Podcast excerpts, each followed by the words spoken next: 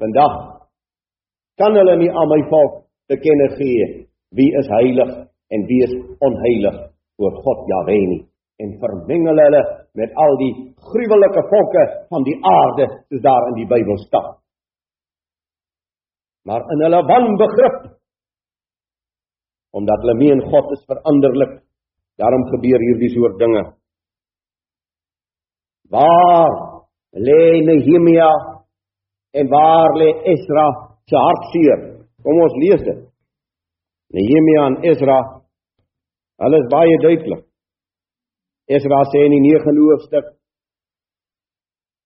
Die volk van Israel en die priesters en die leviete het hulle nie afgesonder van die volke van die lande wat hulle gruwels betref nie.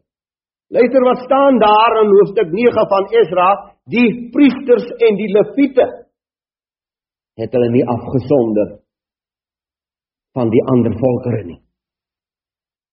Want hulle het van hulle dogters vir hulle self en vir hulle seuns geneem sodat die heilige geslag, hierdie heilige geslag, hierdie aparte geslag, hom met die volke van die lande vermeng het en die owerstes en die leiers het aan hierdie ontrou eerste die hand gehad.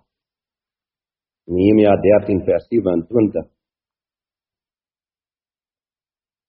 Moet ons nou van julle hoor dat julle al hierdie groot kwaad doen om ontrou te handel teen God deur vreemde vroue te trou? En een van die seuns van Jojada, die seun van die hoëpriester Eljasib, was die skoonseun van Sanballat, die Honoriet. Daarom het ek hom van my af weggejaag. Jy sien, die hoëpriester se seun is voorloper in die vermenging. Dink aan hulle my God oor die bevlekking van die priesterskap en van die verbond met die priesterskap en met die leviete.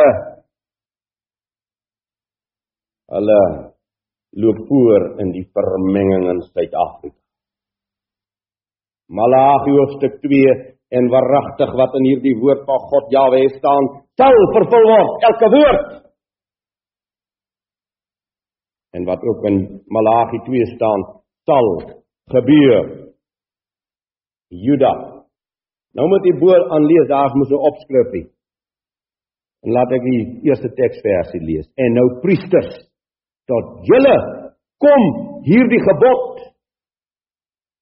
As julle nie gehoor gee nie en as julle dit nie ter harte neem om my naam eer te bewys, sê Jawe van die leerskare, dan sal ek die vloek onder julle stuur en julle seëninge in 'n vloek verander. Ja, ek het dit al reeds vervloek omdat julle niks ter harte neem nie. Juda vers 11. Juda het trouloos gehandel en 'n gruwel is in Israel en in Jerusalem gepleeg. Want Juda het die heiligdom van Jawe wat hy liefhet ontheilig en het die dogter van 'n uitlandse god getrou mag Jawe van die man wat so iets doen uitroei hom wat roep en hom wat antwoord gee uit die tente van Jakob en hom wat 'n offer aan Jawe van die leerskare bring. So hulle kan maar offerhandes aan God Jawe bring.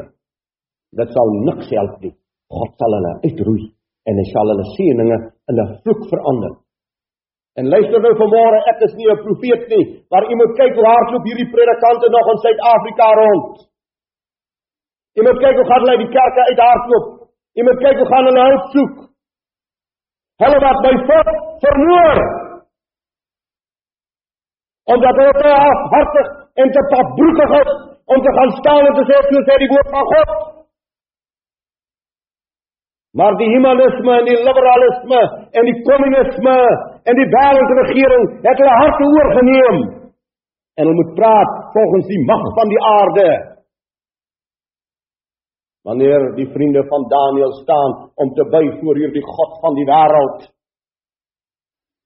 dan sê hulle ons sal nie buig nie. Maar hulle wil populêr wees. Hulle wil 'n aansien wees onder alles wat op twee bene rondloop. En die val, die volk verval onder die rowers op die pad. en verskriklik die aandeel van die geestelike leiers van die volk Israel oor die jare oor die eeue. Verskriklik. Die aandeel van hierdie priester en hierdie leviet. Ek lees vir u Esegiel 34 u kan maar luister. Mensekind profeteer teen die herders van Israel. Profeteer en sê vir hulle die herders so spreek Jawe wie die herders van Israel wat aan hulle self veiding verskaf moet die herders nie die skape laat vei nie julle eet die vet en beklee julle met die wol julle slag die vetes maar die skape laat julle nie vei nie.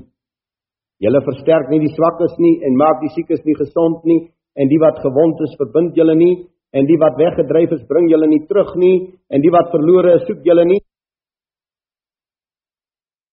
omdat hulle in die broederbond sit. Dis omdat hulle in die vrymesselary sit.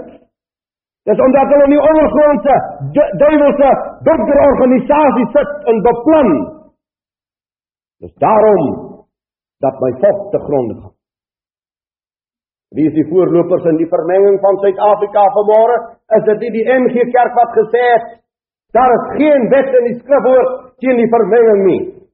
Watter Bybel lees hulle dan? En dit verstom met my mense het almal Bybels, maar hulle lees dit ook nie in hulle Bybels nie. Jy kan die verblinding nie verstaan.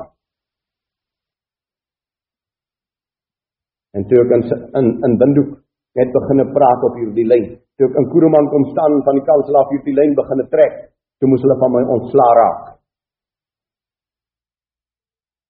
Want die waarheid, die waarheid mag jy nie praat nie. Micha 4 vers 11. En nou is daar baie nasies teen jou versamel wat sê laat haar ontheilig word en laat ons oë met welgevalle neer sien op Sion. Nou is daar baie nasies teen jou versamel wat sê laat ons haar ontheilig Laat ons haar heiligheid van haar wegneem. Hier die volk in Suid-Afrika wat ook oor die paar eeue wat God Jahwe haar gespaar het in hierdie land gekom het met 'n vaste lyn. Daar was verwarring in hulle gemoedere as gevolg van die van deurgee van die evangelie met 'n die sending gedagte. Was daar botsing in my mense se harte?